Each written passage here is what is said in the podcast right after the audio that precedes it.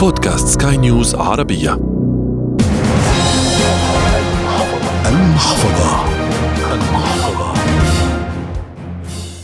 ما طال انتظاره والتخوف من قدومه بدأ بالظهور إلى العلن. حالة اقتصادية ستكون صعبة أكثر من أي وقت مضى. فالمصائب لا تأتي فرادى الركود بدأت الدول تعلن دخولها فيه. سينعكس على أغلب الدول. وسينعكس بطبيعة الحال على الأفراد وعند حدوثه الأسعار سوف تقل والمعروض سيكون أكثر من المطلوب لكن لا قدرة شرائية للأفراد. حلقة جديدة من المحفظة تأتيكم عبر منصة بودكاست سكاي نيوز عربية على أبل جوجل سبوتيفاي أنغامي والعديد من المنصات الأخرى. في إعدادها وتقديمها أحمد الآغا ومن الإخراج الإذاعي غسان أبو مريم. ألمانيا. أول الدول التي أعلنت الدخول رسميا في حالة الركود ولن تكون الأخيرة. مهما زادت المدة التي تعيشها الدول في حالة الركود سيجد المختصون حلولا لمحاولة تخفيض تداعياته. لكن كأفراد علينا معرفة حالة الركود جيدا فنحن بالنهاية من يدير شأننا المالي؟ الركود هو مصطلح اقتصادي بيعكس الهبوط يلي بيحصل بالنمو الاقتصادي وعادة ما بيكون ناتج عن تراجع الاستهلاك مقارنة بالإنتاج أي أنه الإنتاج بفوق الاستهلاك. هذا الأمر بيؤدي بطبيعة الحال لكساد بالبضاعة وبالسلع الموجودة بالأسواق إذا انخفض سعرها نتيجة زيادة العرض عليها مقابل الطلب وبالتالي بيؤدي لتراجع الدورة الإنتاجية. هذا الشيء بيعني تلقائيا ارتفاع بنسبة البطالة. الدليل القاطع على وجود ركود بأي بلد بيكون بنسبة الانكماش يلي بضل منخفض لمدة ست أشهر متتالية. تماما كما حصل بألمانيا يلي دخلت بانكماش تقني أي انخفاض أو انكماش بالنمو لمدة فصلين متتاليين. وهذا السبب بعود بالدرجة الأولى لمعدل التضخم الكبير يلي وصل لألمانيا لحدود ال 7% واللي أدى لانخفاض الإنفاق الاستهلاكي بنسبة 1.2% بالتزامن مع رفع معدلات الفايدة يلي عم بتقلص بشكل كتير كبير من مستوى الطلب مقابل العرض. علما أنه ألمانيا هي واحدة من الدول الرائدة بمجال التجارة الدولية وهي عم بتكون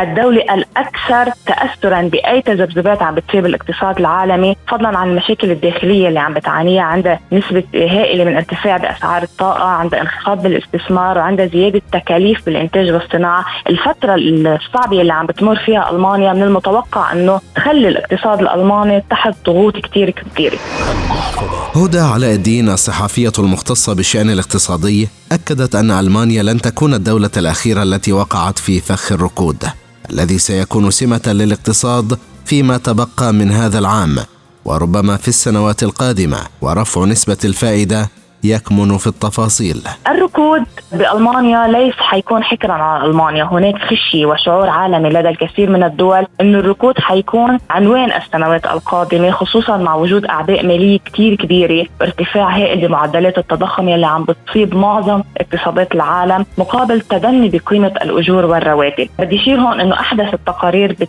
بتقول أنه العام 2023 حيكون عام خطر الركود على معظم الدول العالمية.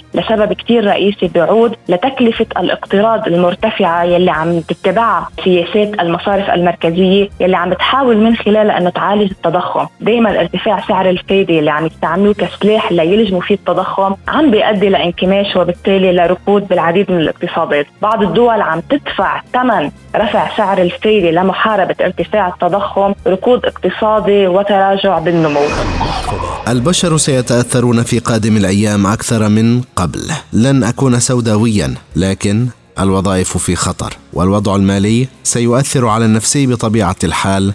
حسب هدى علاء الدين. الركود مثل ما بيأثر على الدول بيأثر على الأفراد. ما حيكونوا بمنأى عن تداعيات وانعكاسات هذا الركود. هناك العديد من الآثار السلبية على الأفراد. إذا فينا نلخصها بعدة نقاط نبلش فيه حيكون في تراجع بالأعمال وبالوظائف المتاحة حيكون في ارتفاع بمعدلات البطالة. الأفراد حيعانوا من صعوبة تلبية احتياجاتهم الأساسية والالتزامات المالية نظرا لتدني قيمة رواتبهم الشرائية. وبالتالي حيكون عندهم صعوبة ب القدرة على تلبية كل الاحتياجات يلي بتخليهم يكفوا حياتهم بشكل طبيعي. كمان حيكون بتراجع بالأعمال التجارية خاصة للأفراد يلي عندهم شركات خاصة. حيكون في انخفاض على الطلب لكافة المنتجات والسلع. حيكون في ضغط على الرواتب. قيمة الأجور حتتدنى. في كثير من الشركات حتضطر تخفض من رواتب من قيمة الرواتب يلي عم تعطيها لأنه ما حيكون في سيولة مالية. كمان حيكون في تراجع بالأسعار. على الرغم إنه حيكون في تراجع بالأسعار لأنه العرض حيكون أكثر من الطلب إنما القدرة الشرائية للأفراد ما حتخليهم حتى قدرانين يشتروا هيدي السلع وبالتالي حيكون في كساد بهيدي البضاعة. كمان حيكون في تراجع بقيمة العملة الوطنية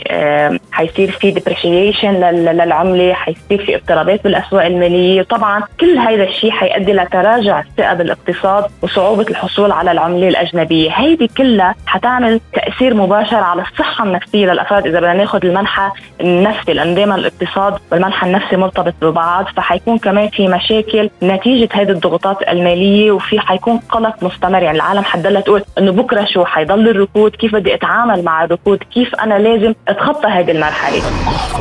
هدى علاء الدين الصحفية الاقتصادية ترى أنه من الصعب أن يكون هناك ادخار بالنسبة للأفراد بسبب الواقع الصعب الذي سنعيشه.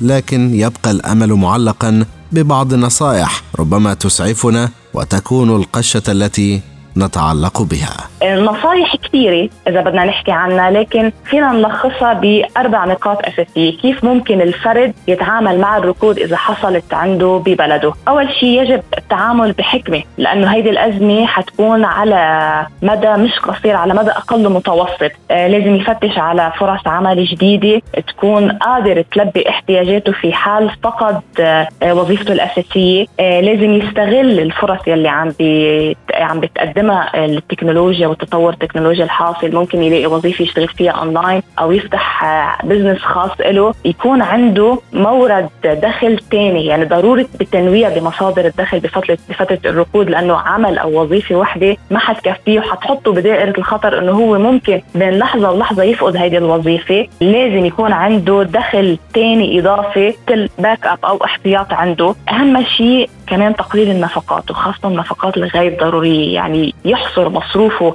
شهريا بالأشياء الأساسية قد ما في يحاول يزيد الادخار علما إنه يمكن ما رح يقدر لأنه بظروف غير طبيعية. يتجنب الديون المرتفعة ما حدا ياخذ قرض ويحاول يسكر في ديون وان كانت عنده لأنه هيدي كمان بتعرضه لمخاطر كثير عالية. إذا بدنا نختصرهم بجملة تقليل النفقات. البحث عن فرص عمل بديلة تنويع مصادر الدخل وإدارة جيدة للمال بفترة الركود عبال ما تكون اتضحت الصورة بالمستقبل ويرجع يعمل balance جديدة لتنظيمه المالي من جديد.